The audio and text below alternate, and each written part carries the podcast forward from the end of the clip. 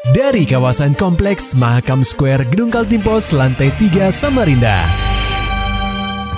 96,8 KPFM Kita akan ikuti program KP Flash News.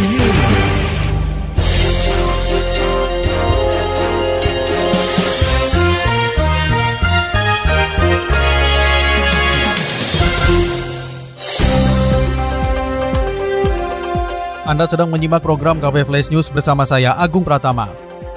Pendengar KP, ilustrator kerap dipandang sebelah mata oleh sebagian orang. Seni gambar, terutama gambar dua dimensi, dinilai tidak populer seperti seni musik atau seni pertunjukan. Tak jarang, dalam pagelaran pameran kreatif, para ilustrator diberi ruang kecil untuk berekspresi. Begitu cerita Ramadan Espernyata kepada KPFM tentang liku-liku kehidupan ilustrator di kota tepian. Berkaca dari pengalaman tersebut, founder Samarinda Design Hub ini mencoba memberikan wadah kepada pelaku seni menggambar untuk pamer kreativitas lewat pameran bertajuk Samarinda dalam grafis. Pameran ini digelar di Samarinda Design Hub yang beralamatkan di Jalan Kiai Haji Wahid Hasim II, Komplek TVRI Graha Asri Sempaja Selatan, Samarinda. Ajang unjuk gigi para ilustrator lokal tersebut berlangsung sejak tanggal 12 sampai 21 Agustus 2022 dari pukul 15.00 hingga 21.00 waktu Indonesia Tengah. Pengunjung hanya perlu merogoh kocek Rp10.000 untuk menikmati karya seni yang dipajang dalam pameran ini. Ramadan menceritakan bahwa pameran dengan tema Samarinda dalam grafis ini mengangkat cerita kota tepian di mata para ilustrator. Sebanyak 21 partisipan dengan total sekitar 150 karya ikut andil dalam kegiatan yang sudah diselenggarakan untuk yang kedua kalinya ini.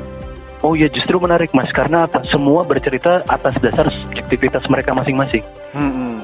Jadi mereka memaknai Samarinda tuh ada yang bentuknya seperti ini, ada yang bentuknya bagus, ada yang bentuknya penuh kenangan, hmm. ada yang bentuknya mohon maaf ya perlu dibenahi Samarinda ini gitu. Hmm. Jadi ada ada muatan apa ya konstruksi kritik-kritik sosial juga sih sebenarnya di pameran kami ini. Hmm. Cuma uh, yang kami harap dari pameran ini adalah uh, kalau anak muda itu sebaiknya jangan banyak marah-marah lah maksud saya gitu.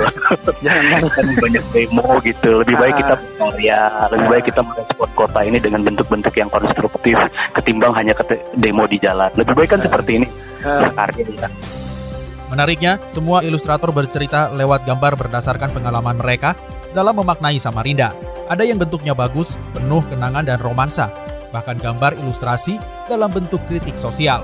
Uh, pameran yang pertama kami menghadirkan dua narasumber dari Jakarta dan Bandung. Hmm. Ini pameran kami yang kedua ini juga menghadirkan narasumber juga ilustrator dan motion artist dari Bandung mas. Tapi memang uh, kami hadirkan secara di, secara webinar saja. Kami belum bisa mendatangkan mereka ke sini terkait biaya lah.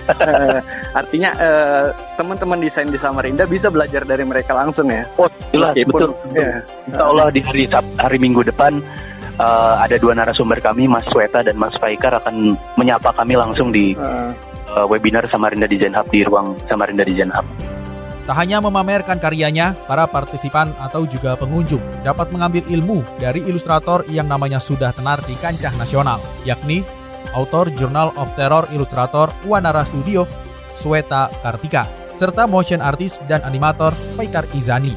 Saat hari terakhir pameran pada 21 Agustus 2022. Meski hanya lewat daring, Ramadan tentu berharap para partisipan dan pengunjung bisa belajar banyak dari kedua ilustrator ternama itu, sehingga semakin banyak ilustrator dari Samarinda yang mampu berbicara banyak di level nasional maupun internasional. Dari dunia olahraga pendengar KP, Bres Matius Pato bawa Borneo FC raih poin tandang pertama di Kediri.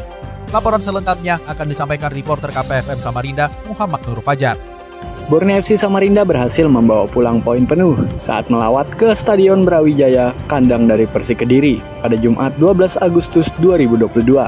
Pesut Etam berhasil mengungguli Persik Kediri dengan skor 2-1 setelah dua gol Mateo Spato berhasil menumbangkan perlawanan Persik Kediri yang unggul terlebih dahulu. Pelatih Borneo FC Samarinda, Milomir Seslia, tak bisa menyembunyikan rasa bangga atas perjuangan para pemainnya Meski tertinggal lebih dulu, skuad asuhannya tidak panik dan mampu memberi respon dengan menyerangkan dua gol sehingga tiga poin dapat dibawa pulang ke Samarinda.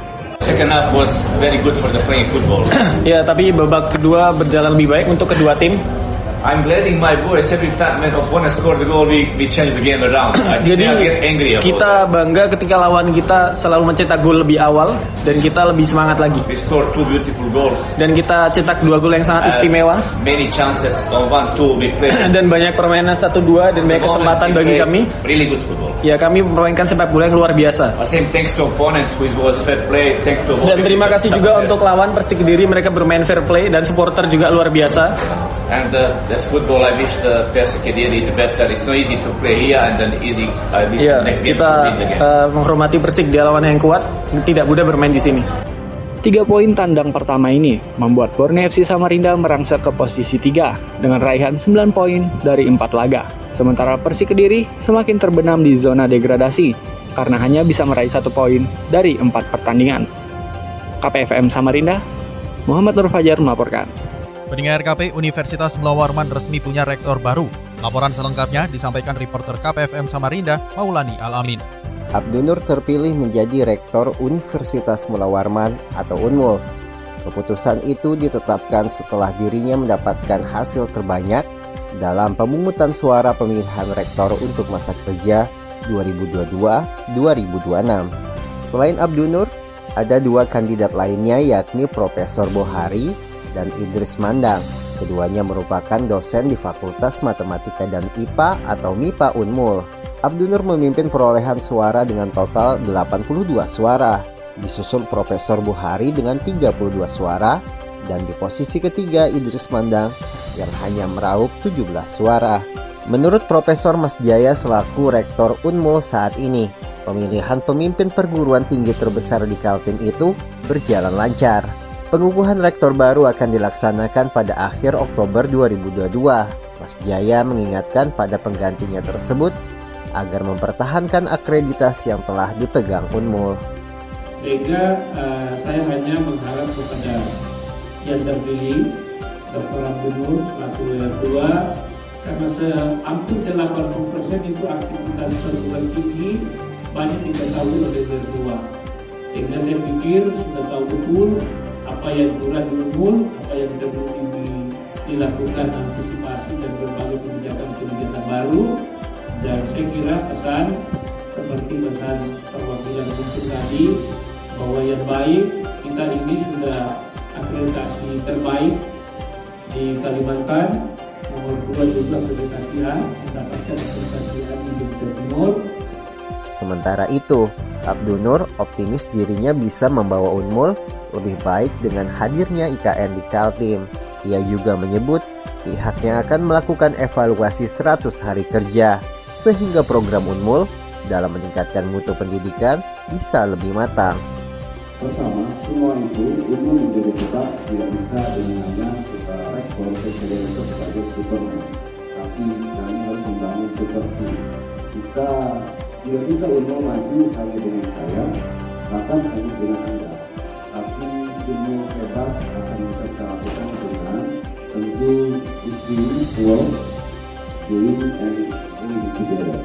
Secara bersama semuanya, termasuk seluruh uh, sivitas akademik, dosen, pegawai, tenaga pendidikan, bahkan sivitas akademik termasuk mahasiswa dan mitra ini harus bersama.